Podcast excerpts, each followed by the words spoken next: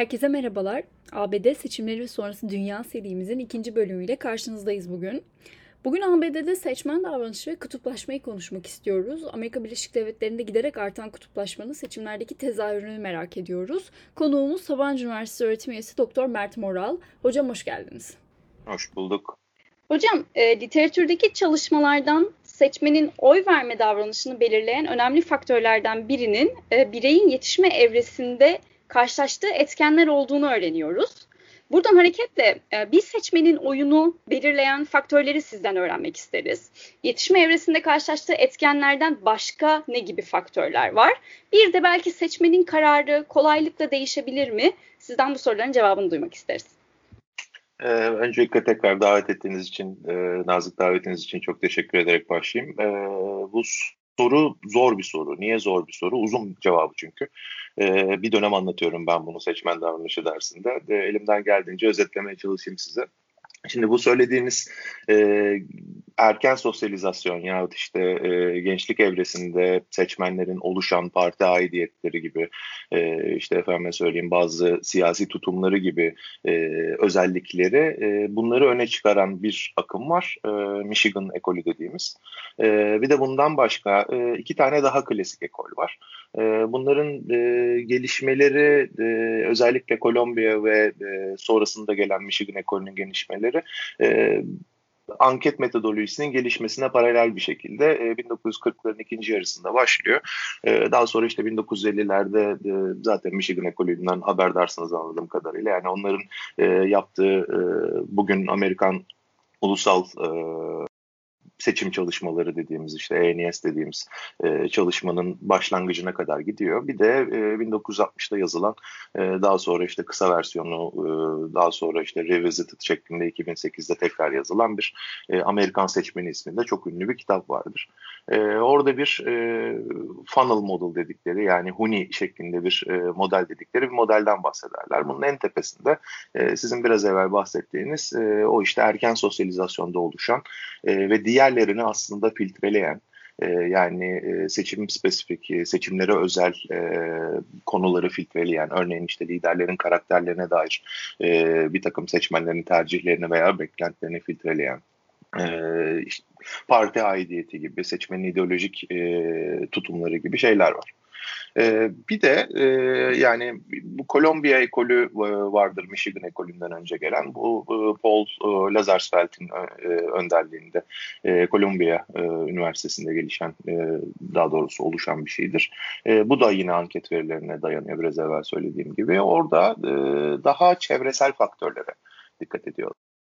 Ee, bunlardan bağımsız olarak 1950'lerin e, ikinci yarısında e, yine gelişmeye başlayan e, Downs'un önderliğinde gelişen bir Rochester ekolü vardır. Bu da bizim rasyonel tercih temelli mekansal oy verme davranışının temellerini oluşturur. burada da partilere oy verip vermemeyi bir faydacı yaklaşım üzerinden ölçeriz. Yani basit bir kar zarar hesabı gibi. seçmenin beklediği kar yani bu e, siyasa yönelik olabilir, ideolojik olabilir, e, bambaşka sahiplerle oy veriyor olabilir. Seçmenin beklediği kar eğer oy vermenin e, maliyetinden e, daha yüksekse seçmen e, bu hesabı her bir aday için yaptıktan sonra kendisine e, en yüksek faydayı getiren adaya oy verir. Şimdi bunları e, niye anlattım? Bunlar klasik ekoller. E, yani hani 1950'den beri, 1940'lardan beri aynı şekilde açıklamıyoruz oy verme davranışını. E, yani bugün e, hibrit yahut melez modeller dediğimiz modeller kullanıyoruz. E, yani bunları Türkiye'de böyle yapılıyor mu diye soruyorsanız cevabım hayır. E, herkes bu şekilde yapıyor mu diye sorsanız cevabım yine hayır. E, öte yandan uluslararası sıralamalara göre en önde gelen dergilerde son yıllarda yayınlanan makalelere işte e, en önemli üniversite yayın evlerinin son yıllarda yayınladığı kitaplara bakarsanız bu seçmen davranışı araştırmalarının hızla melezleştiğini görürsünüz. Melezleşmekten kastım ne? Hem Rochester ekolünden gelen e, bu e, rasyonel tercih temeli hem de e, Kolombiya ve daha sonra daha çok Michigan ekolünden gelen e, bu davranışsal yaklaşımı e, nasıl diyeyim bir potada eriten modeller bunlar. Yani hem partizan aidiyetler var işin içinde hem e, seçmenlerin siyasal tercihleri ve partilerin ideolojik ve çeşitli siyasa e, konularındaki önermelerini dikkate alarak e, bakılıyor. Yani e, Şimdi bu partizan aidiyete biz Türkiye'de parti tutmak diyoruz. Bu aslında biraz kutuplaşmanın bir sonucu, biraz Türkçenin e, bir e, nasıl diyeyim e, zor bir şekilde bu aidiyet kelimesinin identification'ın Türkçe'ye çevrilmesi. Ben aidiyet diyorum. E, partizan kimlik diye de çevirebilirsiniz. E, bunun ne şekilde seçmenlerin çeşitli siyasalar hakkındaki tutumlarını etkilediği ayrı bir literatürün konusu. Yani bu ne demek? Şu demek. Şimdi e, ekonomik oy verme, en çok çalışılan e, siyasaların başında gelir ve e, sorduğunuzda işte birçok insanın e, ekonomik sahiplerle yani ya kendi cebine giren paranın azalmasıyla örneğin kendi işsiz kalmasıyla ya ailesinden birinin işsiz kalmasıyla ya da genel olarak ülkenin e, iktisadi durumunu iyi bulup bulmamasıyla alakalı bunlara retrospektif yani geriye dönelik e, oy verme e, davranışı diyoruz. Bir de prospektif var. Yani geleceğe e, matuf e, bir takım değerlendirmeler yapıp buna göre gelecekte kendi e, cebini, kendi ailesini yahut e, ülkeyi daha iyi makroekonomik politikalara, daha iyi işte makroekonomik göstergelere götürebilecek olan partilere oy verme davranışı var. Şimdi e, bu biraz evvel bahsettiğim hibrit modeller e, bu tutumların da yani seçmenlerin ekonomik görüşlerinin örneğin partizan aidiyetleri tarafından etkilenerek e, şekillendirilmiş olabileceğini öne sürüyor.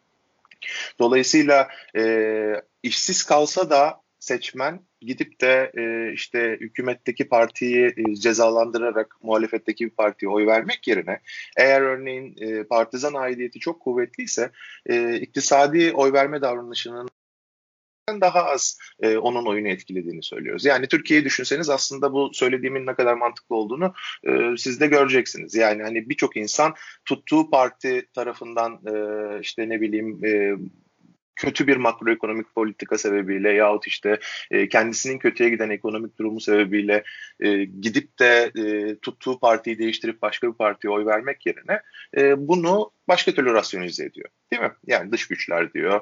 Efendime söyleyeyim e, 3. havalimanını kıskandılar o yüzden böyle yapıldı diyor vesaire vesaire. Şimdi e, bu sizin sorduğunuz hani seçmenin oyunu kolaylıkla değişir, değişir mi sorusu e, zor soru. Yani o da niye zor soru? Evet değişir. Yani e, bu klasik modellere göre kolay değişir hatta.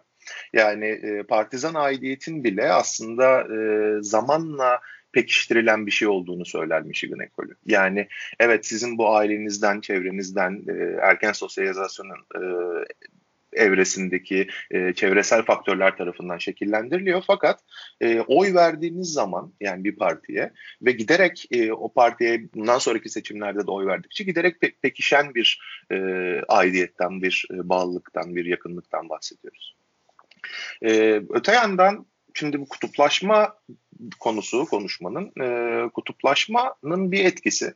E, partizan kutuplaşma dediğimiz kişilerin partilere duydukları yakınlığın yahut işte bu aidiyet diye çevirdiğim benim e, kimliğin e, giderek daha e, kuvvetli bir hal aldığını anlatıyor. Bu ne demek? Şu demek. Yani bir partiye artık körü körüne bağlılık seviyesine geliyor iş. O parti dışında diğer partilere e, herhangi bir bağlanmanın neredeyse mümkün olmadığı anlamına geliyor. E, o zaman Peki oy verme kolay değişiyor mu? Hayır pek kolay değişmiyor. Yani şimdi e, Trump'ı düşünün. E, yani 2016'dan 2020'ye kadar performansı itibariyle baktığınızda e, tamam yani işte e, Covid oldu e, hiç daha evvel hani e, pek az e, Amerikan başkanının başına gelen bir şekilde e, iktisaden ülke çok kötüye gitti. Tamam, bunları anlıyoruz. Öte yandan bütün buna rağmen yani e, şaka değil 200 binden fazla insan öldü değil mi? Yanlış bilmiyorum rakamı. Dolayısıyla e, baktığınızda 200 binden fazla insan ölmüş. Yani sağlık politikası berbat. E, e, iktisaden ülke çok geriye gitmiş. Yani bunun bir tezahürü olarak ekonomik oy verme davranışı sebebiyle insanların oylarını değiştirmelerini beklersiniz. E, fakat ne olmuş? Yani neredeyse aynı oyu aldılar birçok eyalette, birçok e, bu salıncak eyalet dediğimiz yerde. E, dolayısıyla insanlar bunları demek ki düşünmüyorlar. Yahut eskisi kadar e, büyük önem atfetmiyorlar bu konulara. Başka sahiplerle oy kullanıyorlar. İşte onun da e, en azından benim bunu açıklamak için e, öne sürdüğüm e, kendi teorim, kendi beklentim artan kutuplaşma ile birlikte diğer e, faktörlerin, diğer siyasaların, ekonomi başta olmak üzere diğer siyasaları insanların nasıl değerlendirdiğinin e, yavaş yavaş artık bunların önemini kaybetmesi ve partizan aidiyetin her şeyin önüne geçer hale gelmesi. Bunun da bir kutuplaşmanın sonucu olması. Ee, başka bir şey yani e, yine bu melez modellere dair söyleyebileceğim şey şu. E, bu modellerden en sonuncusu yani işte Downs'un başını çektiği Rochester ekolü dediğim e, partilerin hangisine yakın olduğunuza bağlı olarak e, o partiye oy vereceğiniz ideolojik olabilir, bu siyasa olabilir. Yani bir e, issue voting, siyasa temelli oy verme davranışı dediğimiz bir e, davranış vardır. O çeşitli siyasalar konusunda partilerin öne e, sürdüğü siyasaları gösterir. E, ideolojik e, oy verme davranışı ki Downs'un mesela e, argümanı tek bir eksen üzerinde partilerin ve seçmenlerin yerleştirilebileceği varsayımına dayanır. Yani e, bu tek e, eksen onda işte e, ekonomik liberalizm, ekonomik muhafazakarlıktır. E, daha sonra Amerika'da bu e, sosyal liberalizm ve sosyal muhafazakarlığında e, çok önemli bir e, ikinci eksen olduğu öne sürülmüştür. Bu e, işte Civil Rights Act ile beraber 1960'lardan sonra bunun etkisi yavaş yavaş azalıyor. Ondan sonra ne ortaya çıkıyor? E, farklı siyasalar yönünde mesela Vietnam Savaşı, işte efendime söyleyeyim e, Afrikalı Amerikalılara yapılan işte devlet yardımları yahut e, işte e, okullara e, öğrencilerin e, aynı otobüslerle gitmesi, oradaki e, segregasyon yani işte e, Afrikalı Amerikalılar bir tarafında oturuyor, başka otobüse biniyor vesaire gibi hikayeler. E, onun dışında başka ne var? E, mesela e, işte eğitime e, ayrılan para, altyapıya ayrılan Amerikan seçim çalışmalarında 1972'den beri soruluyor.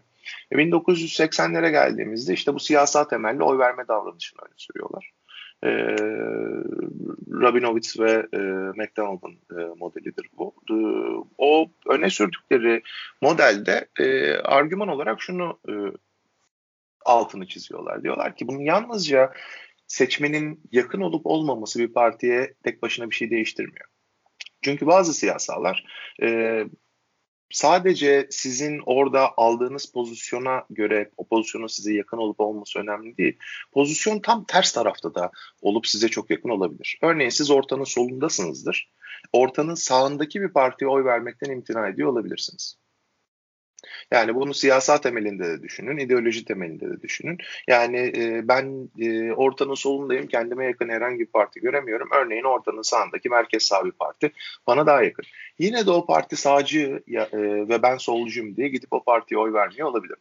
Bunu öne süren de e, bir ikinci e, yine e, Rochester ekolünün devamı olarak e, öne sürebileceğimiz yeni bir e, şey var, ekol var, yeni bir e, model var. Şimdi bunların ikisinin de söylediği şey şu. Diyelim ki iki parti eşit uzaklıktasınız. O zaman kime oy vereceksiniz? Şimdi de, bunun aslında önemli bir sonucu da yani bu soru neden önemli hale geliyor? Şu yüzden önemli hale geliyor. Şimdi Amerika'daki kutuplaşmayı düşün. Önce kutuplaşmayla ne anlattığımı, ne aklımda ne olduğunu söyleyeyim. Merkezden uzaklaşan iki tane parti. Tek aks düşünelim, tek eksen düşünelim. Bir taraf sağ, bir taraf sol olsun. E, Cumhuriyetçiler gittiler en sağa, e, işte e, demokratlar gittiler en sola.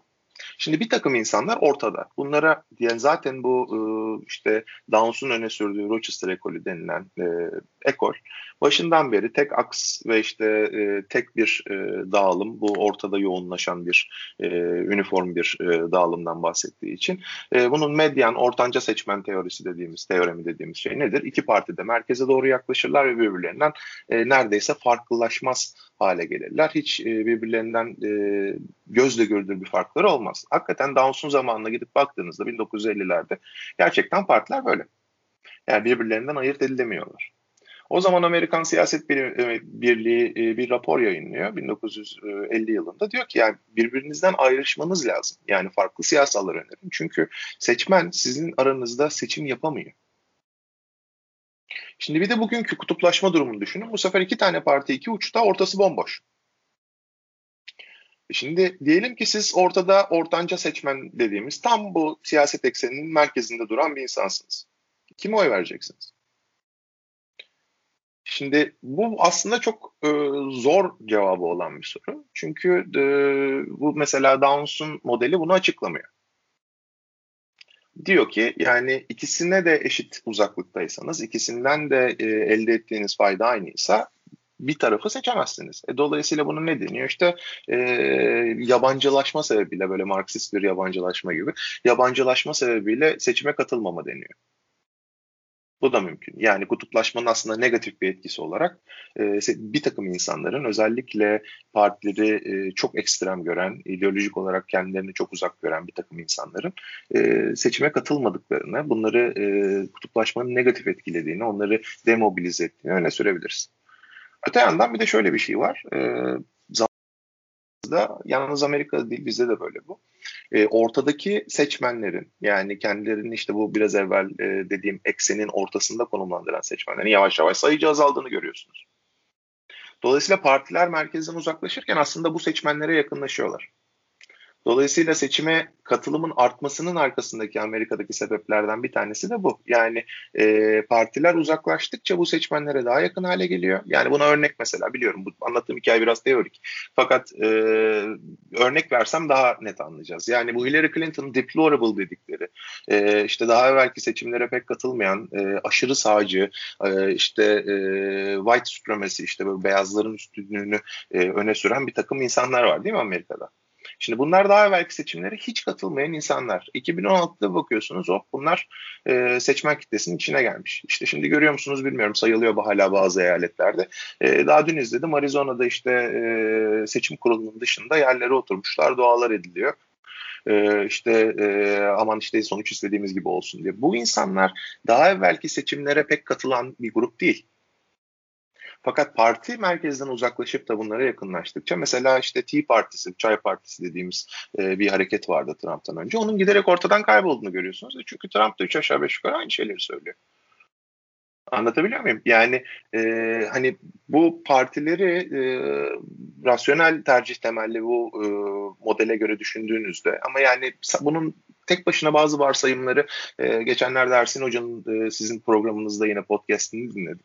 E, o da o da eleştirmişti bunu. Yani bazı varsayımları gerçekten uçuk. Yani hani e, çok kolay varsayımlar değil. Öte yandan biraz evvel söylediğim bu hibrit modellerle baktığınızda buna e, yani e, insanların mesela yalnız siyasal temelli oy vermemelerinin arkasında işte içeriye o davranışsal faktörleri koyup da parti aidiyetini koyduğunuzda yahut e, insanların siyasi tutumlarının partizan aidiyetleri sebebiyle e, farklılaşabileceğini düşündüğünüzde o zaman bu modelin açıklayıcı kuvveti de artıyor. Yani bu hibrit modelleri. Ee, şimdi bir son bir şey daha söyleyeyim. Yani e, kutuplaşmayı sadece ideolojik boyutta anlattık. E, ama bir de partizan aidiyetlerin de zaman içinde daha kuvvetlendiğini, işte partizan kutuplaşma dediğimiz şey. Yani partiler merkezden uzaklaşıyor, buna parti kutuplaşması diyoruz. Seçmenlerin partizan aidiyetleri e, daha katılaşıyor, daha kuvvetleniyor, buna partizan kutuplaşma diyoruz. E, bir de e, duygulanımsal dediğimiz, yani işte e, psikolojiden e, çalınmış bir e, tabirle e, effective polarization dediğimiz, yani afektif diye çevriliyor sanıyorum Türkçe e, psikoloji kitaplarında böyle geçiyor. E, bunu parti partilere ve adaylarına hem e, pozitif yani pozitif yönde e, Trump'ı çok seven insanlar olduğu gibi bir de Trump'a katlanamayan neredeyse nefret derecesinde e, ona karşı negatif duygular besleyen insanlar var. Zaten afektif polarize, e, polarizasyon dediğimiz bir tarafa bu kadar sevgi duyarken diğer taraftan e, bu aynı derecede neredeyse bir nefret durumu. Yani aradaki fark ne kadar açıldıkça insanların duygulanımsal olarak o kadar kutuplaştıklarını anlıyoruz. Şimdi ilginç bilgi size. 2016'da e, Amerikan seçim e, American National Election Studies, Amerikan ulusal seçim çalışmaları. E, bundaki e, Demokratların ve Cumhuriyetçilerin e, başkan adayları sırasıyla Clinton, Hillary Clinton ve e, Donald Trump, Trump'ın e, e, bu biraz evvel söylediğim afektif polarizasyon ölçütlerine bakarak ne kadar sevilip sevilmedikleri arasındaki farka baktığınızda Tarihte yani bu 1972'den beri ölçülen bir şey yanlış bilmiyorsam e, termometre skorları deniyor bunlara. Tarihte daha çok nefret edilen e, iki başkan adayı daha yok.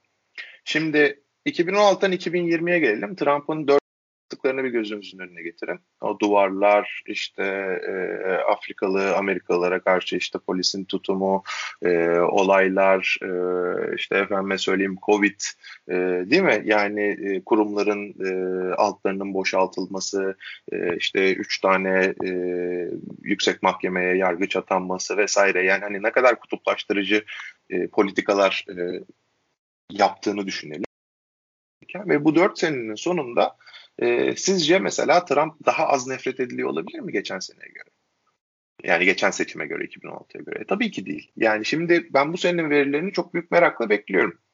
Çünkü e, Amerika'da e, bu da, Medyaskop'ta katıldığım şeyde de aynı şeyi anlatmıştım. Amerika'da e, kutuplaşmanın farklı tezahürleri üzerine yani bu size biraz evvel söylediğim işin öznesine göre ve ölçtüğümüz e, hissiyata göre yahut işte politik tutuma göre farklı kutuplaşma tanımları var ve farklı kutuplaşma isimleri var demiştim.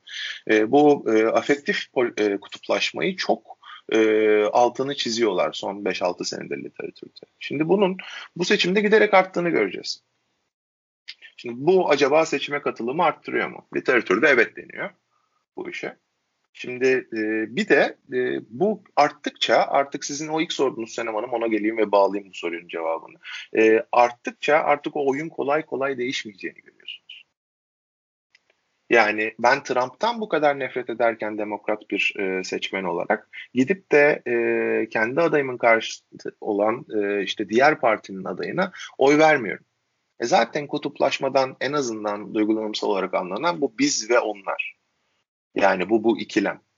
Dolayısıyla onların yanına geçmek kendi adanızdan ne kadar nefret etseniz bile o kadar kolay olmuyor. E ne oluyor o zaman? Şimdi 2016'daki 2020'deki eyaletlerde Trump'ın aldığı oylara bakarsanız hadi diyelim Clinton ve Biden arasında bir e, birebir neredeyse işte korele olmasın. Fakat Trump aynı Trump. 2016'da Trump, 2020'de Trump. Açık bakıyorsunuz eyaletlerde nasıl oy almış diye. E, neredeyse 45 derecelik bir şey var aralarında. Yani, yani neredeyse aynı oy almış. Birkaç eyalette yükseltmiş şehir merkezlerinde. E, dolayısıyla şunu anlıyorsunuz ya bu kadar kutuplaştırıcı bir adama bile insanlar öbür tarafa geçip de e, karşı adayı desteklemiyorlar. Ki yani 47 senelik bir siyasetçi, e, eski başkan yardımcısı doğru mu? Yani e, ulusal bir kahraman. Yani bütün bunlara rağmen gidip de öbür tarafa oy vermiyorsanız e işte o zaman memleket karpuz gibi ortadan ikiye ayrılmış oluyor. Bu yani memleket dediğimde Amerika'dan bahsetmiyorum. Bizim memleket için de aynı şey geçerli yani. Evet sanırım çok konuştum ama e, ümit ediyorum e, anlatabilmişimdir merak. Çok iyi bir giriş oldu hocam aslında. E, çok da keyifle dinledik. Buradan yani çok aynı soru mu olacak bilemedim ama belki de parti sistemiyle ilgili ilgimizi çeken bir soru bu. Amerika'da genelde iki partili bir sistem olmasından e, yana bir sorumuz olacak aslında. Bu iki partiden de memnun olmayan insanlar için başka gidebilecekleri partinin ya da bir bağımsız adayın olmaması halinde mesela Liberteryan Parti genelde üçüncü alternatif olarak çıkıyor ve bağımsızlar dışında yani bu ikisi dışında seçime katılım düşer mi? Yani bu iki parti dışında alternatifin olmaması gelecek seçimlere dair belki de bir şey söyler mi bize?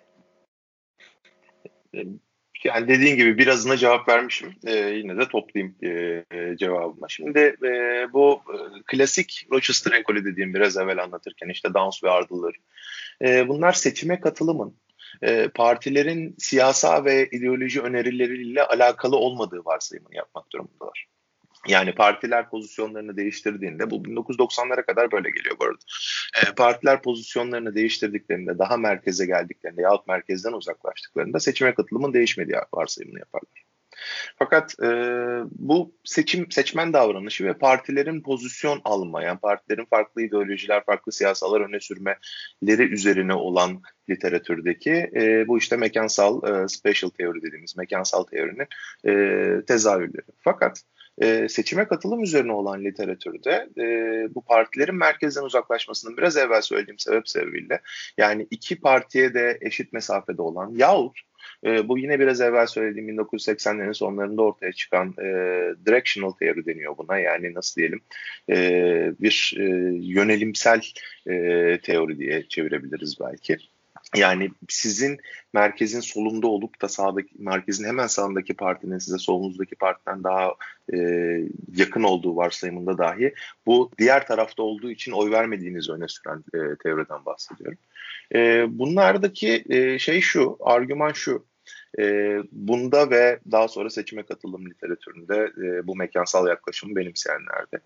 E, partiler uzaklaştıkça bazı seçmenler bu partileri yalnız e, aynı tarafta olsalar dahi kendi kabul edilebilirlik e, sınırlarının dışında görmeye başlıyorlar.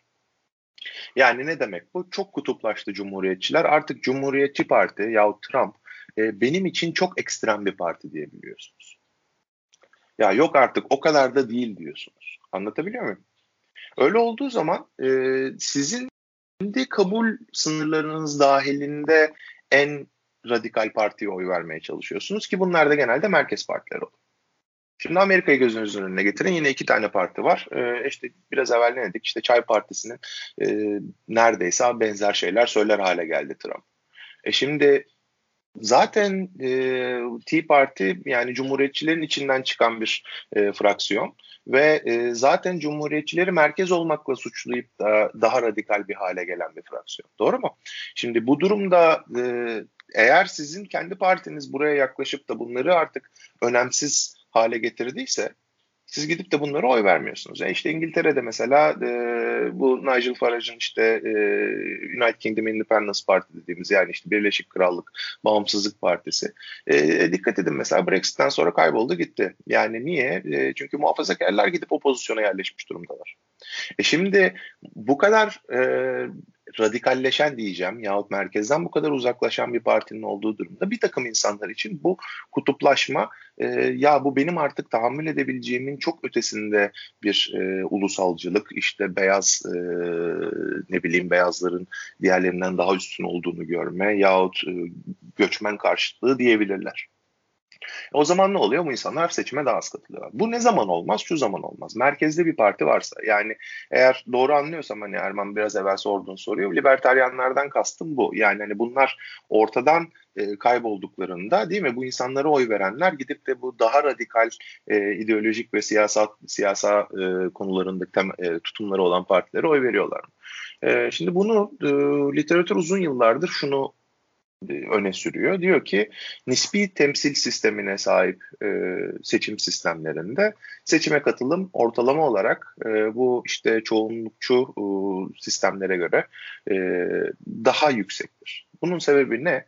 Her çeşit fikri yani radikalse radikal, merkezse merkez, işte liberal partiler var, ulusalcı partiler var, komünist partiler var, sosyal demokratlar var, Hristiyan demokratlar var, muhafazakarlar var, e, işte ne bileyim çiftçi haklarını düşünen partiler var değil mi? Yani bu kadar partinin olduğu bir yerde neredeyse her görüşü temsil eden bir parti var. E, dolayısıyla bu insanların ya bu partiler çok e, merkezden uzaklaştılar. Benim görüşümden çok uzaklaştılar. Kendime yakın parti göremiyorum ben deme durumları olmuyor. Daha çok parti var ve o partiler 3 e, aşağı 5 yukarı onların da e, bulundukları yerlere yakın duruyorlar. Dolayısıyla nispi temsil sistemine sahip partilerde, sistemlerde hem daha çok parti seçimlere katılıyor hem daha çok parti yasamada temsil ediliyor. Özellikle işte bizimki gibi böyle %10'luk falan seçim barajları yoksa ki bizim ki kadar yüksek e, dünyada hiçbir yerde yok.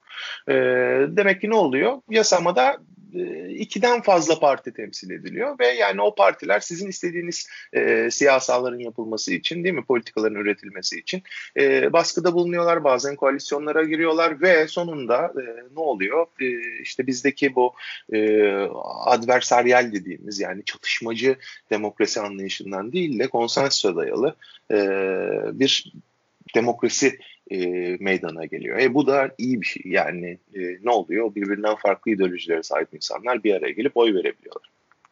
Yani yine anlatmıştım bir önceki programda. E, bizde mesela kutuplaşmanın tezahürü ne oluyor? İşte e, muhalefet partileri seçime e, seçimden sonra mecliste temsil edilen muhalefet partileri o meclisteki görevlerinden biri olan ya biz bu konuda bir kanun tasarısı getirmek istiyoruz dediğinde hep beraber hop eller havaya kalkıyor. E, hükümet partisi işte hükümet bloğu neyse e, hayır diyorlar siz bunu öneremezsiniz. Onlar bir şey getirdiğinde bu sefer muhalefetin eli kalkıyor. E şimdi Amerika'ya baktığınızda da öyle. Yani bunlar ne zaman de oy kullanmışlar diye. Hadi Amerika'dan örnek vermeyelim, Türkiye'den verelim. Ne zaman oluyor? İşte milletvekili maaşlarını arttırırken oluyor. Onun dışında hiç hiçbir konuda yani bir araya gelip de e, evet ne oldu ya deprem için önerge veriyoruz hayır olmaz. İşte efendime söyleyeyim e, işte seçimler erken, erken alınsın mı? Hayır olmaz. Seçimler geç yapılsın mı? E ona da olmaz. E, ne olur yani hani siz demek ki bir araya gelemiyorsunuz. İşte bu e, aslında hani parti sayısıyla da alakalı olduğu kadar partilerin pozisyonlarıyla da çok alakalı bir şey ve kutuplaşmanın en negatif, e, en olumsuz sonuçlarından bir tanesi. Şimdi geçen seçimle e, bu seçimi mukayese edelim Amerika'da. E, libertaryenlerin oyları çok düştü. E, hala önemli. Yani bakarsanız mesela işte hala sayılan yerlerde e, libertaryenlerin aradaki farktan daha fazla oy aldığını görüyorsunuz.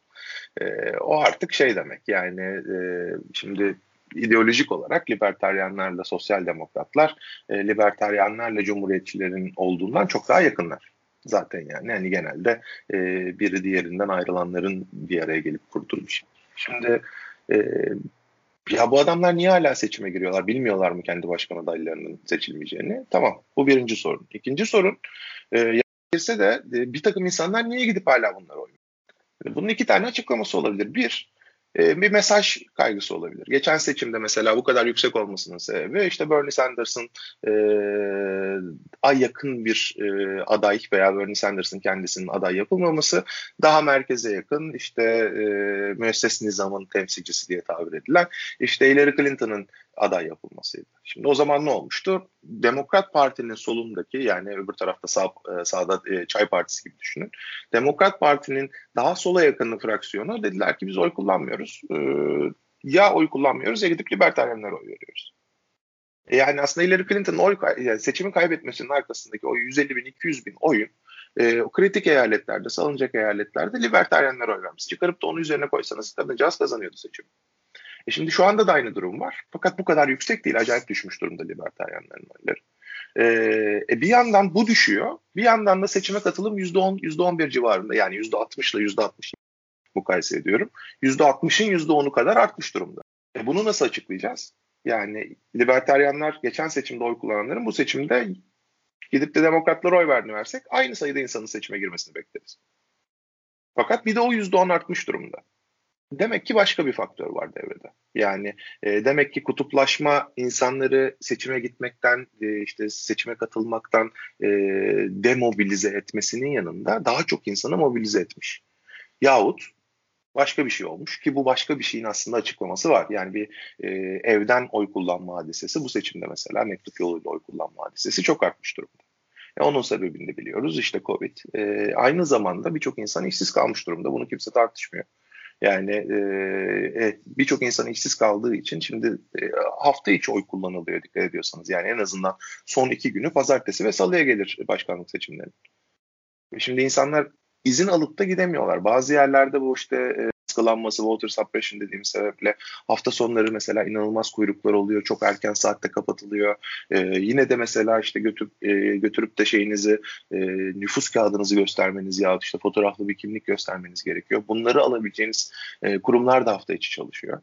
E, ve dolayısıyla yani e, birçok insan için işinden vakit ayırıp da gitmek mümkün değil. Öte yandan bu artan işsizlikle beraber en azından bu işsizliği arttırdığını düşündükleri insanın karşısında oy kullanmak için e, bir takım insanlar gitmiş gibi görünebilir. E, ama dediğim gibi yani bunlar e, acaba sistematik etkiler midir? E, yoksa zaman içinde artan bir seçime katılımı vardır? E, işin doğrusu Amerika'daki trende baktığınızda 80'lerden bu yana e, giderek artan bir e, şey var. E, seçime katılım var. Böyle iyi bir şey bu. E, bunun aslında sebebi kutuplaşma. Yani en azından ben bunu böyle e, düşünüyorum. E, benim argümanım da bunun partilerin aldığı stratejik bir karar olduğu yönünde. Yani partiler merkezden uzaklaşarak biraz evvel söylediğim o daha radikal uçları seçime katabiliyorlar.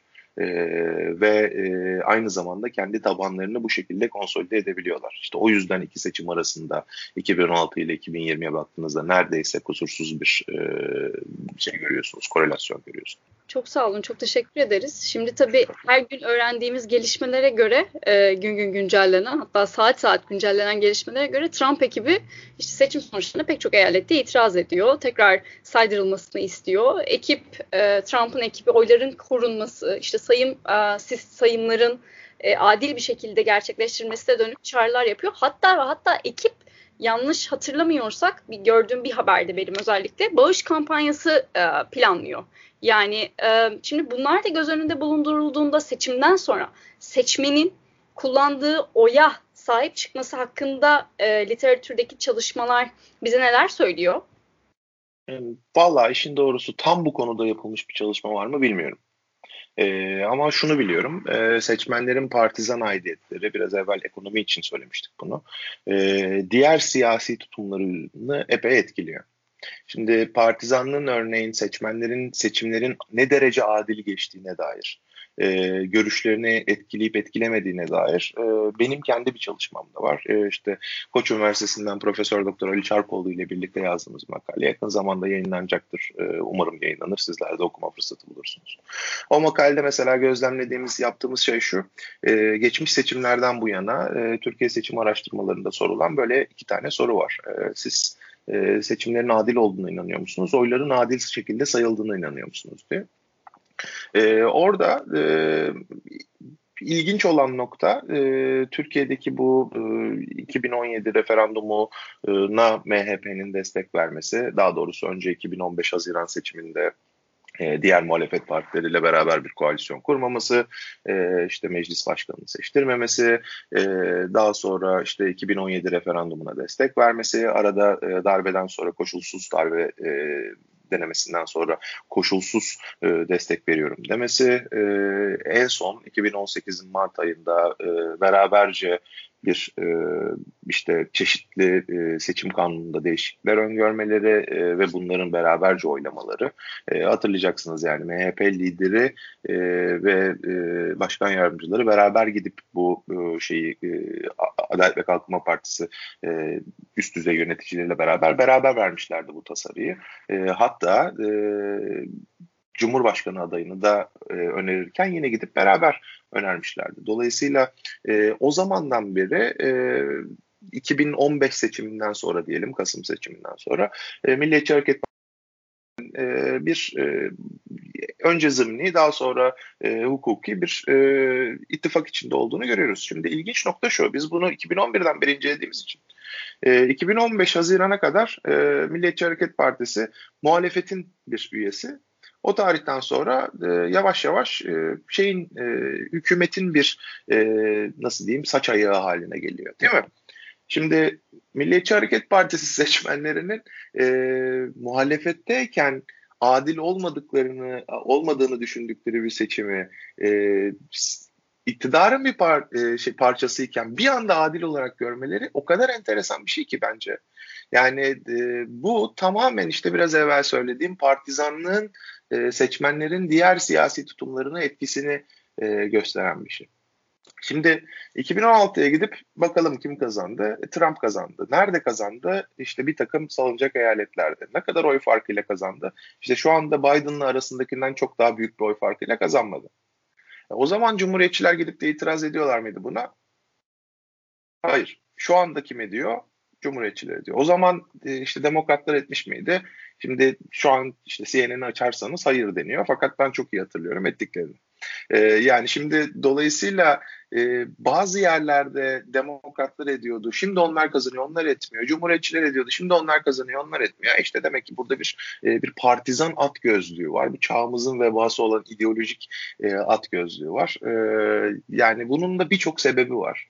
E, işin doğrusu kendinizi alın ne olur. E, bunu bizi dinleyenler de kendilerini düşünsünler burada. Yalnız kendi fikirlerimizi destekleyen haber kanallarını dinliyoruz. Hepimiz. Ben dahil. Yani Twitter'da benzer fikirdeki insanları takip ediyoruz.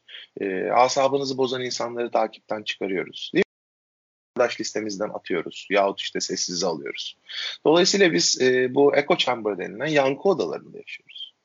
Öyle olunca bu ancak kutuplaşmayı arttırıyor. Yani artık daha da kuvvetli e, şekilde biraz evvel söylediğim gibi neredeyse nefrete bayağı e, kadar ulaşan seviyelerde bir e, negatif duygular besliyorsunuz diğer partiye ve diğer parti sempatizanlarına. E, Amerika'da da bu araştırmalar yapılıyor, Türkiye'de de yapılıyor. E, ya insanlar şey diyorlar, çocuğumun karşı taraftan e, karşı partinin temsilcisi e, biriyle evlenmesini istemem diyor. Ve o kadar yüksek oranlarda diyorlar ki bunları. E işte öyle olunca da biraz evvel söylediğim o konsensüse dayalı ortaklaşmacı halden çekişmeli bir hale geçiyor demokrasi ve e, işin doğrusu bunun negatif sonuçları e, nereye kadar ve bir yerden sonra ne hale gelir? Yani bugün seçim e, kurullarının dışında Amerika'da Cumhuriyetçilerin bazıları mesela e, Philadelphia böyle bir yer, e, Pensilvanya'da e, ellerinde otomatik silahlarla bekliyorlar şu anda. Yani e, e, bu bir e, sivil çatışmaya ulaşır mı? E, şimdi doğrusu kutuplaşma bu kadar yükseldikten sonra ulaşmaması için sebep belki insanların e, demokratik veya işte demokrasiye inanan e, insanların daha çok sayıca daha yüksek olması olabilir. Öte yandan e, iş tehlikeli bir hal aldı. E, Amerika'da da tehlikeli bir hal aldı. Korkarım bizim memlekette hiç farklı değil bu durumda. Şimdi buradan aslında dilerseniz anketlere geçelim. Çünkü tamam. son günlerde yapılan tartışmaların çoğu da anketlerin yine 2016 seçimi gibi ne kadar hatalı olduğunu bize gösteriyor. E, fakat burada sizin geçen Medyaskop yayınında da dik, altın çizdiğiniz önemli noktalar var. Yöntemsel olarak anketlerin hatalı olmasından bahsetmiştiniz. Bunun altını çizmiştiniz. 2016'da ve şimdiki seçimde anketler neden yanıldı ve sıklıkla eleştiriliyor? Bunu düzeltmenin e, yöntemleri sizce nelerdir? Çok güzel soru ve e, bu da böyle ilk soru gibi e, bir dönem anlatılan cevabı bir soru. E, şimdi gelecek dönem bunu anlatacağım. Bu dönem ilk soruyu anlatıyorum. Şimdi işin doğrusu herkes bir şey söyledi bu konuda. Yani ben de seçimleri sizler kadar yakından takip etmeye çalıştım. CNN'i izleyebiliyorum. Yalnız o kanal yayınlandığı için Türkiye'deki işte kablolu yayında. E, bizim e, memleketteki işte kanalları izleyebiliyorum. Ana akım medya dediğimiz veya haber kanallarını. E, herkes bir şey söylüyor. Yani anket metodolojisi kuralları yeniden yazılmalı diyen duydum. Bundan sonra anketlere güvenilmez diyen duydum. Anket yerine etnografik araştırma yapalım diyen duydum. E, yani çok açıklama var. E, fakat sebebini anlatan işte işin doğrusu bir e, Bilgi Üniversitesi'nden Profesör Doktor Emre Erdoğan var. E, yani onun dışında da e, işte şu şu şu sebeplerle anketler hatalı e, diyen pek kimseyi duyamadım.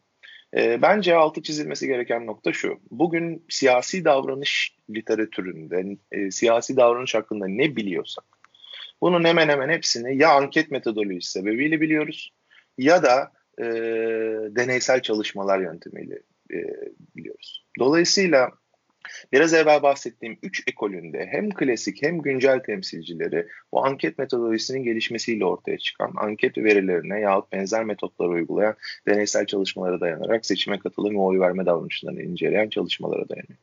Ee, ne demek bu? Anketleri öyle kolayca kenara atamayız. Ha, kamuoyu araştırmalarını atabilir miyiz? Belki atabiliriz. Öte yandan bilimsel metotlarla yapılan anketler e, bizim de siyasi davranışı nasıl anladığımızı, siyasi davranış hakkında ne bildiğimizi e, oluşturuyor. Onları öyle kolayca kenara atmak e, işin doğrusu bence pek doğru değil. İkincisi gerekli de değil. E, Nature dergisinde biliyorsunuz yani en e, en yüksek etki faktörüne sahip dergidir. E, orada 2018 yılında bu konuda yayınlanmış makale var. İşte Brexit ve e, Amerika'daki işte 2016 seçimi sonrasında bu konu çünkü çok tartışıldı. E, uzun yıllardır yapılan seçimleri birçok ülkede inceliyorlar ve bu seçimler için yapılmış kamuoyu araştırmalarını inceliyorlar. Ortalama mutlak hatanın artıp artmadığını e, araştırıyorlar. Şunu buluyorlar, artmamış. Hatta son yıllarda azalmış. E şimdi mutlak hata azalıyorsa demek ki anketler daha isabetli hale geliyor zaman için. 2016'da anketler çok yanıldı dendi. Değil mi? Ee, işte e, yap, şey yapamadılar. Kimi kazandığını bilemediler. Ee, anketler çok yanıldı kısmı yanlış. Kimin kazandığını bilemediler kısmı doğru. Şimdi Amerikan Kamuoyu Araştırmaları Birliği diye bir şey vardır. E, APR diye American Association of Public Opinion Research. Bunlar 2016 seçimlerinin ardından çok uzun bir rapor yazdılar. Zahmet edip okuyan olursa e, neden ve ne ölçüde yanıldığını anketlerin bu işin dersini veren, bu işin uzmanı, bu işin kitabını yazan akademisyenler bu konuda ne düşünüyorlar görebilirler. Onlar da şunu söylüyorlar. E, Amerika genelinde yapılan anket çalışmalarının ortalamasıyla iki adayın aldığı oy oranlarına bakarsanız aslında iki aday arasındaki farka kadar isabetli bir çıkarım yapmış durumdalar. Sorunlu nokta şu, eyalet özelinde çok az saha çalışması yapılıyor.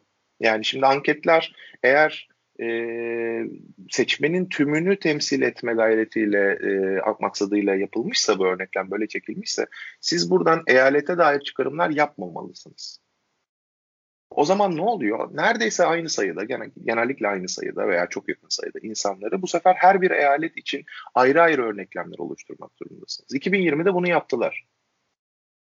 Bunu yaparsanız ne oluyor? O eyaleti kim kazanıyor?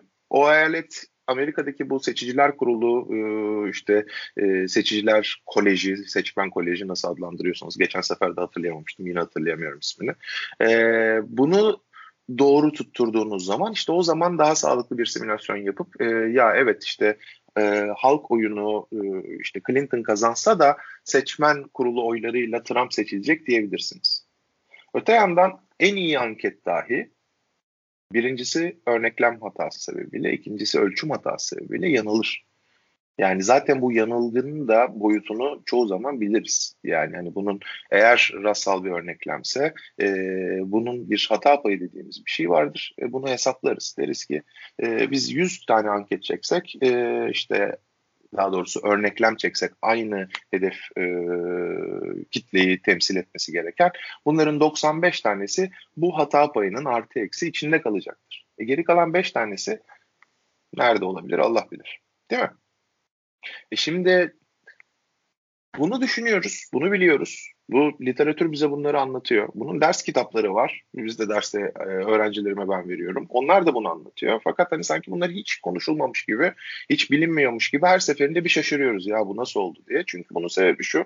Bununla ilintili olan e, bilinmezliği çoğu zaman unutup sanki bu anket e, şeyleri, e, tahminleri e, kesinmiş gibi düşünüyoruz. Aa 47.2 dedi.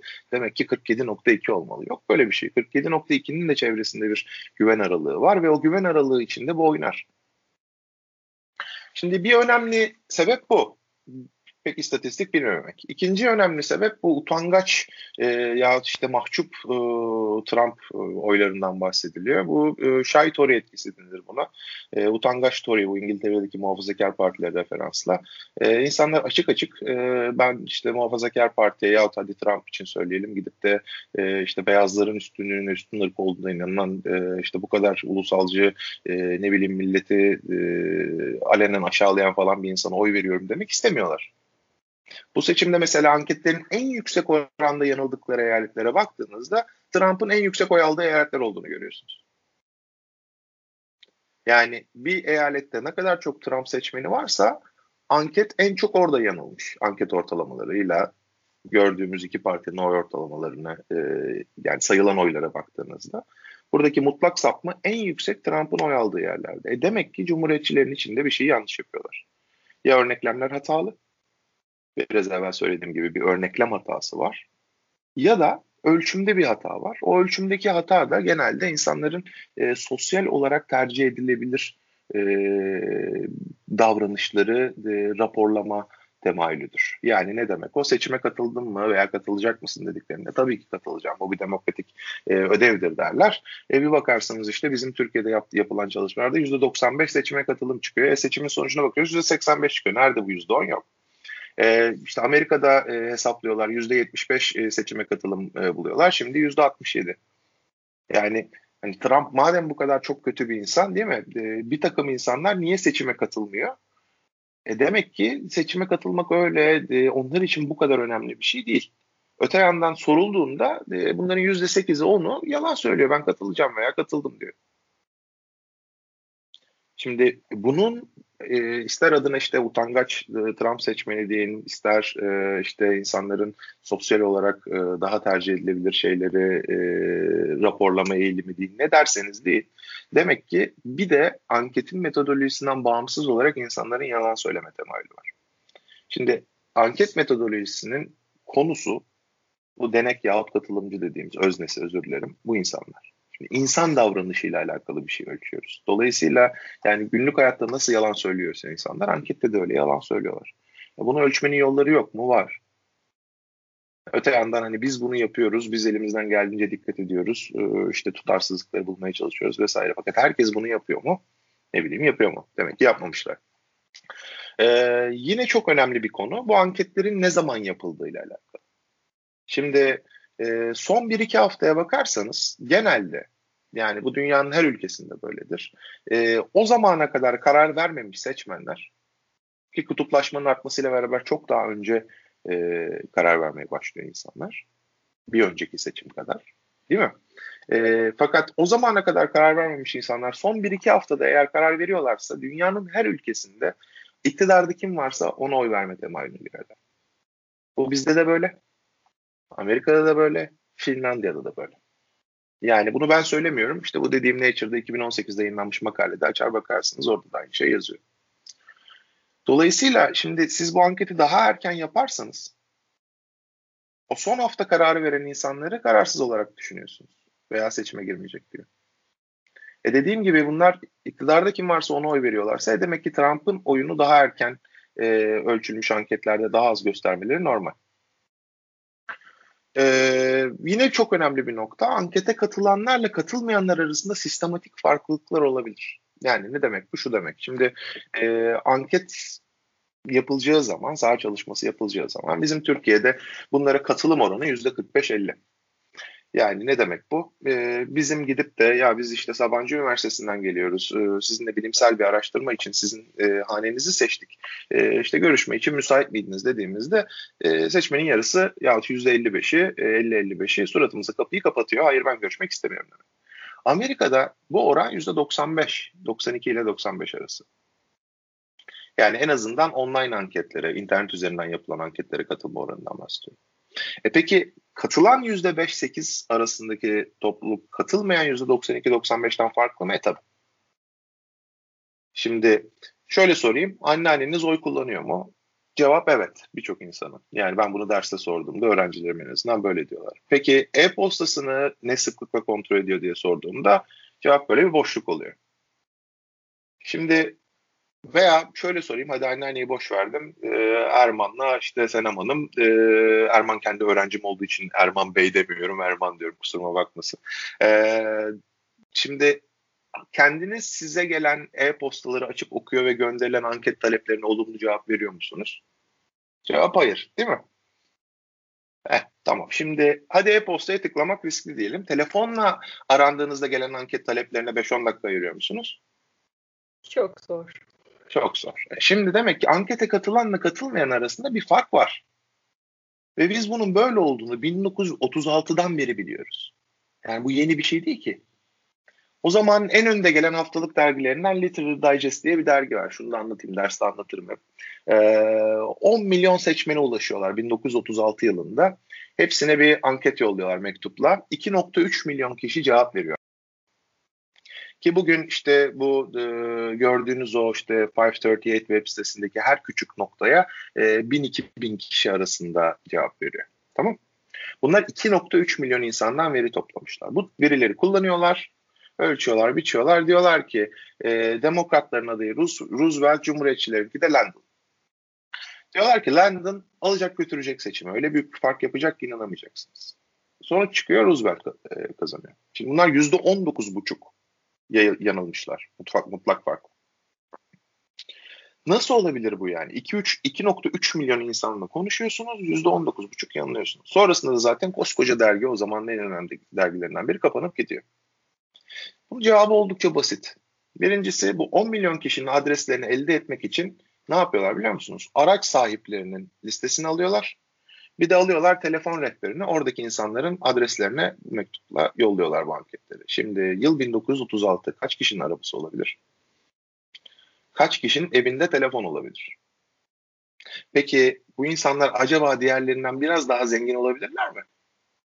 Şimdi bunların evine yolladığınızda siz bu anketleri e şimdi eğer sosyoekonomik olarak daha e, işte müreffeh yaşayan insanlar e, diğerlerinden farklı bir oy kullanma e, paternine sahiplerse demek ki sistematik bir fark var demektir burada. İkincisi e, bir sürü insan ben Roosevelt'e oy vereceğim demek istemiyor. Yani aralarında Roosevelt'e oy vermeye yakın olanlar, o cevap vermeyen 7.7 milyondan bahsediyorum. Roosevelt'e vermeye yakın olmayanlardan sayıca daha fazla. Dolayısıyla bir de bir cevap verirken bir e, şey var bir hata var, bir yanlılık var. fikir versin diye anlattım. Bugün bu problemlerin hepsinin çözümünü biliyoruz. Dünya Kamuoyu Araştırmaları Birliği var, işte Vapor dediğimiz Amerikan Kamuoyu Araştırmaları Birliği var, SOMAR var, çok sayıda birlik her sene rapor yayınlıyor. Anket metodolojisi üzerine çok çok geniş bir külliyat var. Biz Türkiye'de ne yapıyoruz?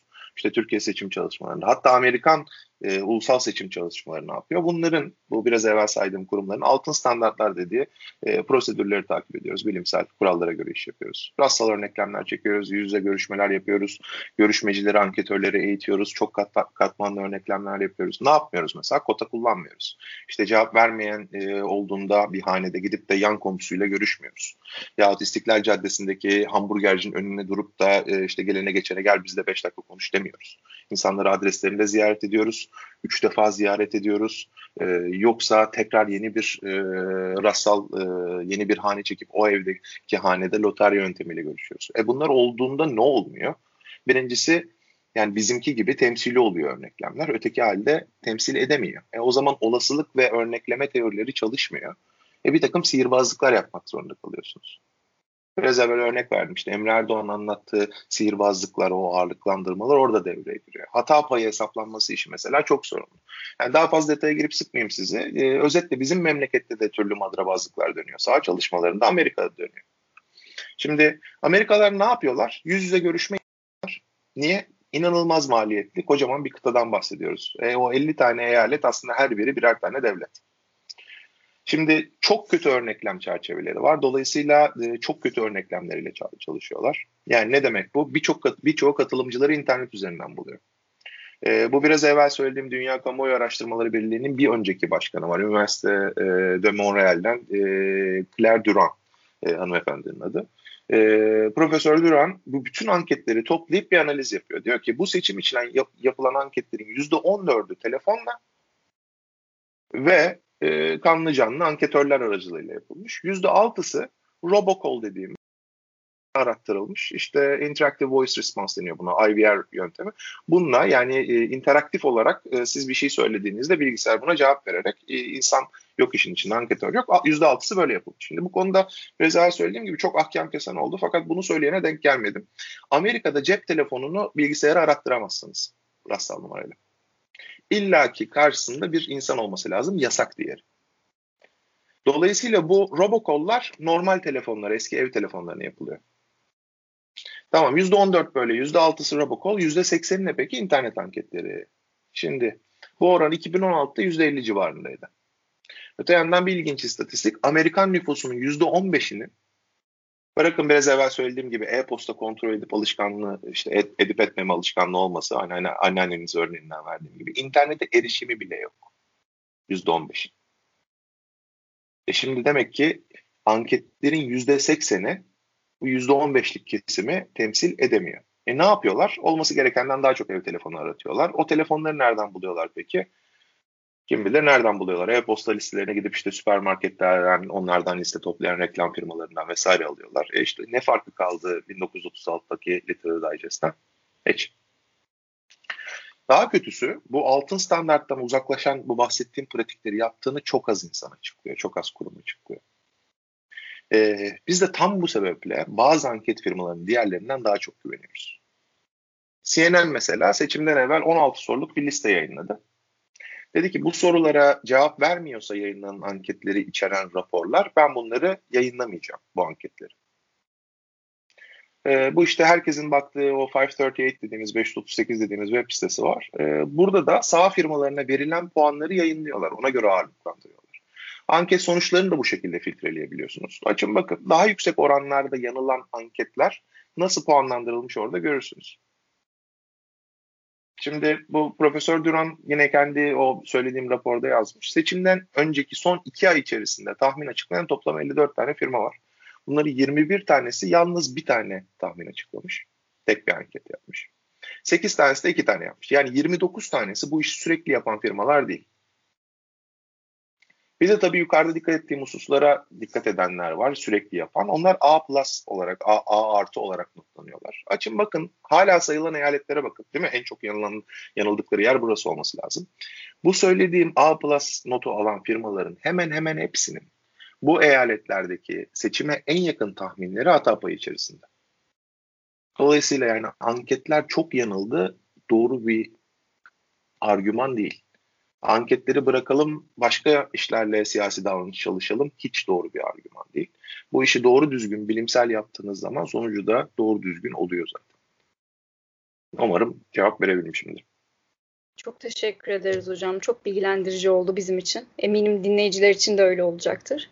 Şimdi biraz sizin çalışmalarınıza geri dönelim isteriz biz. Hay hay. Ee, bu Avrupa'daki seçmen davranışlarına odaklanan özellikle iki makaleniz var. Biri 2016 yılında yayınlanan, diğeri de 2017 yılında yayınlanan. Ben 2016'da yayınlanan hakkında bir soru sormak istiyorum. 2017'dekini Erman'a bırakıyorum. Bu pasif agresif voter makalenizde geçersiz oylara odaklanıyorsunuz ve burada siyasi olarak sofistike seçmenle sofistike seçmen arasında önemli bir ayrım yapıyorsunuz. Bunu biraz açabilme şansınız var mı dinleyicilerimize ve bize? Tabii. Aa, bu siyasi sofistikasyon, e, sofistikelik bana çok ilginç geliyor. Yani doktora yıllarımdan bu yana da ilgimi çekmeye. E, şimdi siyasetle herkes aynı oranda ilgili değil. E, yani sizler işte siyaset konusunda, siyaset biliminde işte yüksek lisans yapıyorsunuz, doktora yapıyorsunuz, e, ben hocalık yapıyorum. Hani belli ki bizim ilgimiz bu konuya veya bu konudaki bilgimiz e, işte sokaktan geçen adamınkiyle aynı değil. E, şimdi bunun çeşitli sebepleri olabilir. Zaman örneğin değil mi? E, siyaset konusunda ansiklopedik bilgi edinme zaman açısından çok masraflı bir iş. Acayip zaman alan bir iş. Yani onlar işte e, yeterlilik sınavları, efendime söyleyeyim dersler, haftalık ödevler. Şimdi e, siyasete ilgi gerekli.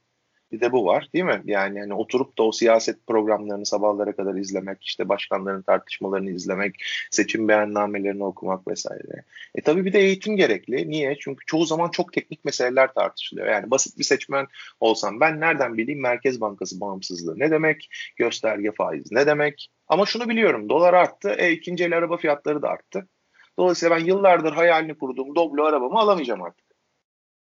Anlatabiliyor muyum? Ee, çok basitleştirerek anlatayım. Sofistikasyonu öne çıkararak anlatmaya çalıştığım şey bu tip sonuçların sebeplerini yanlış makroekonomik politikalara bağlayanlar ile yani makroekonomik politikanın başarısızlığına bağlayanlar ile dış miraklara bağlayan seçmen arasındaki fark.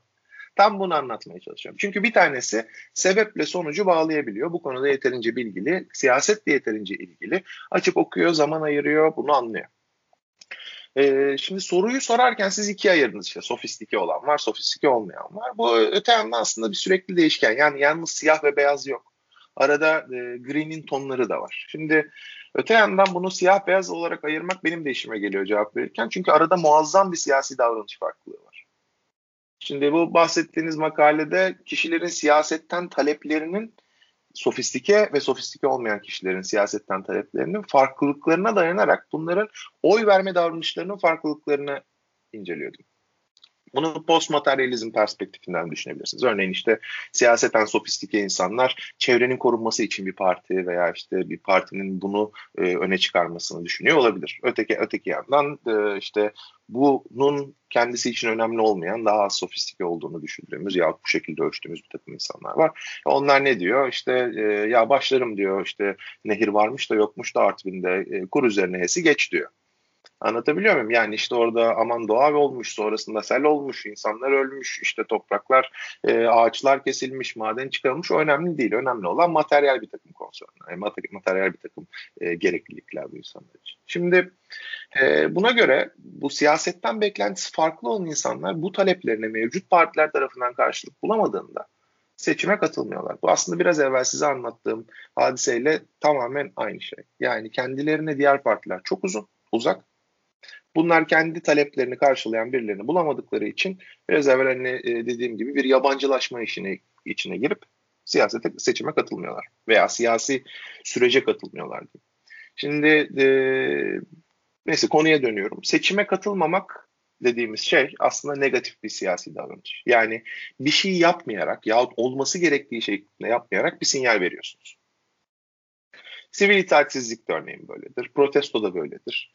Ee, öte yandan bazı ülkelerde seçime katılmak durumundasınız. İşte katılmazsanız e, ne bileyim pasaport alamıyorsunuz. Katılmazsanız 450 euro ceza ödüyorsunuz. Türkiye her ne kadar çok sert uygulanmasa da bu iş seçime katılımın zorunlu olduğu ülkelerden bir tanesi. Yani bizim için bir hak değil bu ödev. E o zaman ne yapıyor seçmenler? Seçime katılıyorlar fakat boş oy atıyor. Yahut oyunu bilerek geçersiz kılıyor. Üzerine mesaj yazıyor örneğin oyunu. Yani biliyor bunun geçersiz olacak. E bunun da örneklerini her seçimden sonra aslında gazetelerde görüyoruz Türkiye'de de. Şimdi e, İkinci makalede yani Erman'ın soracağını söylediğiniz makalede sofistikasyonu seçmenlerin ideolojik pozisyonları ve talepleri üzerinden anlatmıştım. Buna göre daha ekstrem tercih olan seçmenler ki bunlara e, işte e, Amerikan siyaset bilimi literatüründe ideolog deniyor. Yani ideolojiyi e, diğerlerinden daha fazla benimsemiş bu konuda fikir yürüten insanlar. Parti aktivistleri mesela yani gidip kapı kapı dolaşıp kapıları çalan insanlar bunlardandır. E, bunların seçime katılmasını sağlayan şey partiler merkezden uzaklaşarak bunlara daha yakın hale geldiğinde işte parti kutuplaşması olduğunda bunlara daha yakınlaştıkları için bunlar seçime katılıyorlar. Yani bunu ben e, öne sürmüyorum. Bu aslında çok uzun yıllardır. E, 1980'li yıllardan beri en azından hatırlayabildiğim kadarıyla e, öne sürülen bir şeydir. İkinci bir olasılık da şu. E, seçmenler partilerin kendilerine geldiğini sanıyor olabilirler. Yani parti olduğu yerde duruyordur da seçmenin kutuplaşma algısı fazladır. Doğru veya yanlış olabilir bu. Yani e, partinin gerçekten kendilerine doğru geldiğini düşünüp de parti hakikaten geliyorsa bu insanlar isabetli olarak bunu ta- tahmin ediyor olabilirler veya takip ediyor olabilirler. Öte yandan yanlış da olabilir bu. Partiler olduğu yerde duruyordur.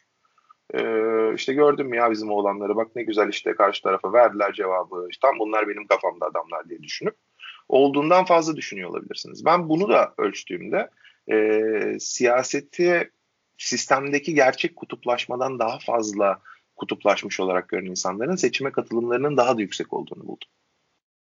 Yani e, ki bence çok ilginç bir e, şey bu. Yani bulgu bu. Çünkü e, yani argüman da bu yöndeydi. İnsanlar seçime katılmayı şöyle düşünüyorlar. Ben seçime katılmazsam kaybedecek artık daha çok şeyim var. Bizim takım kaybediyor maçı. Ama ben katılırsam bunu kaybetmemek için bir şey yapacağım. İşte o biraz evvel anlattığım gidip de e, Nevada'daki işte Arizona'daki e, seçim şeylerinin dışında e, bekleyen nöbet tutan insanlar aslında bunu söylüyorlar. Kendi takımları kaybetmesin. Diğer makale Erman soracak. Hadi bu son son son söyleyeceğim bir şey vardı aklıma geldi. Onu, onu da e, diğerine şey yapayım. E, saklamış olayım cevabı. Tamam hocam. Aslında yani değindiniz. Biz son soruyu yani bu bipolar water makalenizle ilgili soruyu formüle ederken biraz bu güncel şu tartışmayı düşünerek hesaba katarak sorduk aslında. Son zamanlarda Cumhuriyetçi Parti'nin Amerika'da daha da sağ kaydığını e, söylüyor. Yani yapan yapan çalışmalar da bunu buluyor. Bu bağlamda yüksek katılımı siz aslında daha önceki sorunuzda yani sorumuzda aslında cevaplamıştınız ama e, bu bağlamda düşünebilir miyiz? Yani Demokrat Parti'de daha da sola mı kayıyor o zaman? Yani böyle mi düşünmemiz lazım? Yok böyle düşünmenize gerek yok. Yani e, bunun da e, literatürde çok uzun yıllardır kullanılan ölçütleri var. E, Amerikan e, seçmenlerinin kendi pozisyonları yahut partilerin seçmenler tarafından düşünülen pozisyonları dışında Amerika'daki e, temsilcilerin, temsilciler meclisi ve senatoda kullandıkları oylara e, bu, bu oyların e, kimin kimle beraber oy kullandığına bağlı olarak 1997 yılında yazılmış e, çok önemli bir kitap vardır ki ikincisi 2008 yılında yazıldı. E, o tarihten beri de veri setleri internette herkesin kullanımına açık ve e, ayda bir iki ayda bir bunu da güncellerler. E, orada şunu görüyorsunuz. Demokratlar biraz sola kayarken cumhuriyetçiler oldukça sağ kayıyorlar. Öte yandan bu da şu demek değil demokratlar oldukları yerde duruyorlar demek de değil. E, ve cumhuriyetçi ve demokrat senatörler ve temsilciler yani bu hem e, alt kanatta hem e, senatodan bahsediyorum. E, yani hem temsilciler meclisi hem senato iki ay e, şeyinden de bahsediyorum e, parlamentonun. E, burada ikisinde de birbirlerinden giderek uzaklaştıklarını ve artık ortak biraz evvel söylediğim gibi karar almadıklarını görüyorsunuz. E, şimdi seçmenlere baktığımızda demokrat Tik Parti'yi destekleyen seçmenler evet biraz daha sola gitmiş durumda. Fakat asıl değişim sağda Cumhuriyetçilerde. Öte yandan partilere baktığınızda Demokratik Parti de sola gidiyor. Cumhuriyetçi e, Parti biraz daha fazla sağa giderken. Şimdi demek ki ikisi birden birbirlerinden ayrılıyorlar. Şimdi ben e, ne buldum o biraz evvel e, hani bilerek söylemediğim kısımda onu anlatayım. Şimdi siyasi kutuplaşmanın yüksek veya düşük olmasını ben incelediğim Avrupa demokrasileri arasında baktım ve Avrupa demokrasilerine bakarken bunların hepsini almadım. Mesela örneğin İngiltere'yi incelemedim. Niye? Çünkü İngiltere'de de evet işte liberal demokratlar var fakat e, Amerika'dakiyle aynı seçim sistemi var. Yani ne demek? O iki tane büyük parti var. Dolayısıyla yani liberal demokratları işin içine koymasak ve sadece bu iki partiyi düşünsek yahut Amerika'daki işte Cumhuriyetçi ve demokratları düşünsek e, bu iki parti merkezden uzaklaşırken merkezin boş kalma ihtimali var bu az sayılı partinin olduğu yerlerde. Ve o işte o zaman o size biraz evvel ilk konuşmanın başında anlattığım e, kendilerine eşit derecede uzaklaştığını yahut ikisinin de kendilerinin tahammül edebildiği e, radikalleşme e, işte sınırlarının dışında kaldığını düşündükleri partiler insanlar oy vermektense seçime katılmamayı tercih ediyor olabilirler. Şimdi ben e, Avrupa demokrasilerine ve nispi temsil sistemine sahip çok e, partili Avrupa demokrasilerini bu yüzden inceledim. Çünkü bunlar da sistemin biraz daha farklı çalışacağını ve kutuplaşmanın her halükarda seçime katılımı arttıracağını öne sürüyordum ki hakikaten de bunu buldum. Yani e, iki seçim arasında kutuplaşma artarsa yani zaman içerisinde aynı ülkedeki artıştan bahsediyoruz. E, seçime katılımın en yüksek oranda arttığını buluyorsunuz. Ee, öte yandan kutuplaşmanın daha yüksek olduğu ülkeler, genel olarak daha yüksek olduğu ülkeler, genel olarak daha düşük olduğu ülkelere göre daha yüksek seçime katılım oranları gösteriyorlar. Bir de biraz evvel söylediğim gibi kutuplaşma düşük olsa da bunu olduğundan daha fazla düşünen insanlar var. Onlar da seçime diğerlerine nazaran daha yüksek oranda katılıyorlar. Şimdi Amerika'da bu iş nasıl çalışıyor? Dediğim gibi iki parti var. Dolayısıyla seçime katılımı arttırırken kutuplaşma yani Trump'ın 2016-2020 arasındaki performansını ve arttırdığı kutuplaşmayı işte e, kutuplaştırıcı söylemeni vesaireyi düşünelim.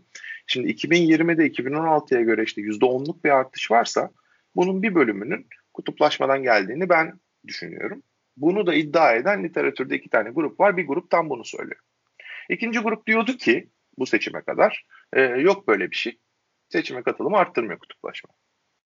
Sanıyorum onlar da e, ya evet biz yanılmışız diyeceklerdir. E, ve yani iki grupta da çok çok kıymetli akademisyenler var. İşte Harvard Üniversitesi, Stanford Üniversitesi yok, Emory Üniversitesi her yerde çalışıyorlar. Bunlar çok e, bilindik e, en yüksek seviyedeki üniversitelerde.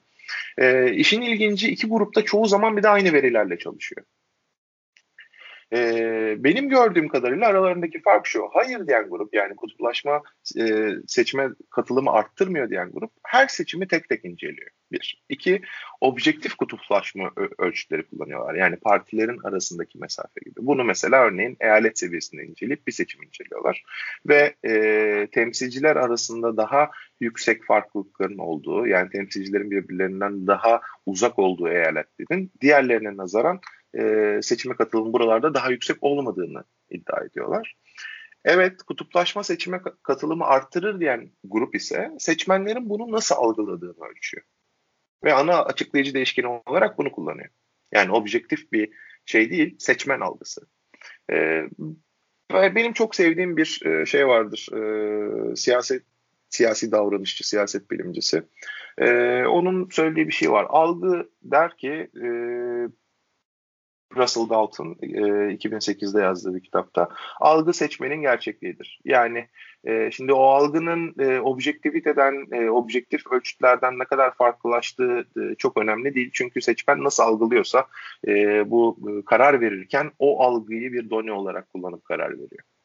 Yani objektif e, ölçütler biz bunu nasıl ölçüyoruz? Öte yandan herkesin algısı farklı ve bu algı yanlı dahi olsa, yanlış dahi olsa e, o algıya bakarak davrandıkları için biz bunu da ölçmek durumundayız. Dolayısıyla e, bu e, kutuplaşma Amerika'da da seçime katılıyor diyen grubun e, yaklaşımı bana işin doğrusu biraz daha doğru geliyor.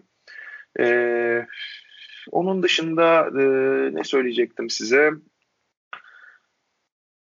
Heh, bu e, partiler merkezden uzaklaşıyor ve seçime katılım artıyor e, dedik. İşte 2020'yi örnek verdik.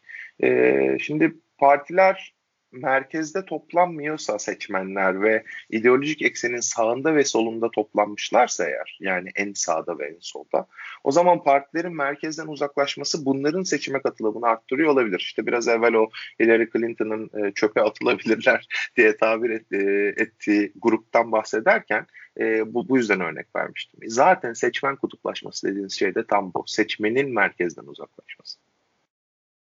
Dolayısıyla Amerika'da artan seçmen kutuplaşması, partiler de parti kutuplaşması ile birleşince bu işte e, gördüğümüz sonuca sebebiyet veriyor. Bunu çalışan bir makale var mı? Bu bir ampirik bulguya mı dayanıyor? E, işin doğrusu evet, ampirik bir bulguya dayanıyor. Hayır, böyle bir makale yok. Tam üzerinde çalıştığım şey bu. E, yani ümit ediyorum Amerikan seçim araştırması verileri e, yayınlanır yayınlanmaz. En yeni 2020 verileriyle güncelleyip e, bu makaleyi de bir yerlere yollayacağım. E, basılırsa dediğim gibi e, keyifle de sizlere de yollarım. O zaman e, bir söz almış olalım. O zaman da yine konuk etmek isteriz hocam sizi misafir. Evet, mutlulukla, mutlulukla. Makale üzerine tartışma fırsatımız olur böylelikle. E, hocam ekleyeceğiniz bir şey yoksa biz çok teşekkür edelim size. Ben size teşekkür ederim. Çok naziksiniz, davet ettiniz beni. Bana da hem kendi araştırmalarımdan hem Amerikan seçiminden e, hem e, anket metodolojisinden bahsetme fırsatı tanıdınız. Çok teşekkür ederim. Çok naziksiniz. Biz teşekkür ederiz hocam. E, bugün Sabancı Üniversitesi'nden Doktor Mert Moral hocamızla Amerikan seçimleri ve sonrası dünya serimizin yeni bölümünde hem seçmen davranışını hem de kutuplaşmayı konuştuk. Bu karmaşada belki anlam yaratmaya çalıştık. O yüzden çok faydalı bir oturum olduğuna inanıyoruz. Paradigmanın gelecek bölümlerinde görüşmek üzere diyelim ve sosyal medya kanallarından da bizi takip etmeyi unutmayın.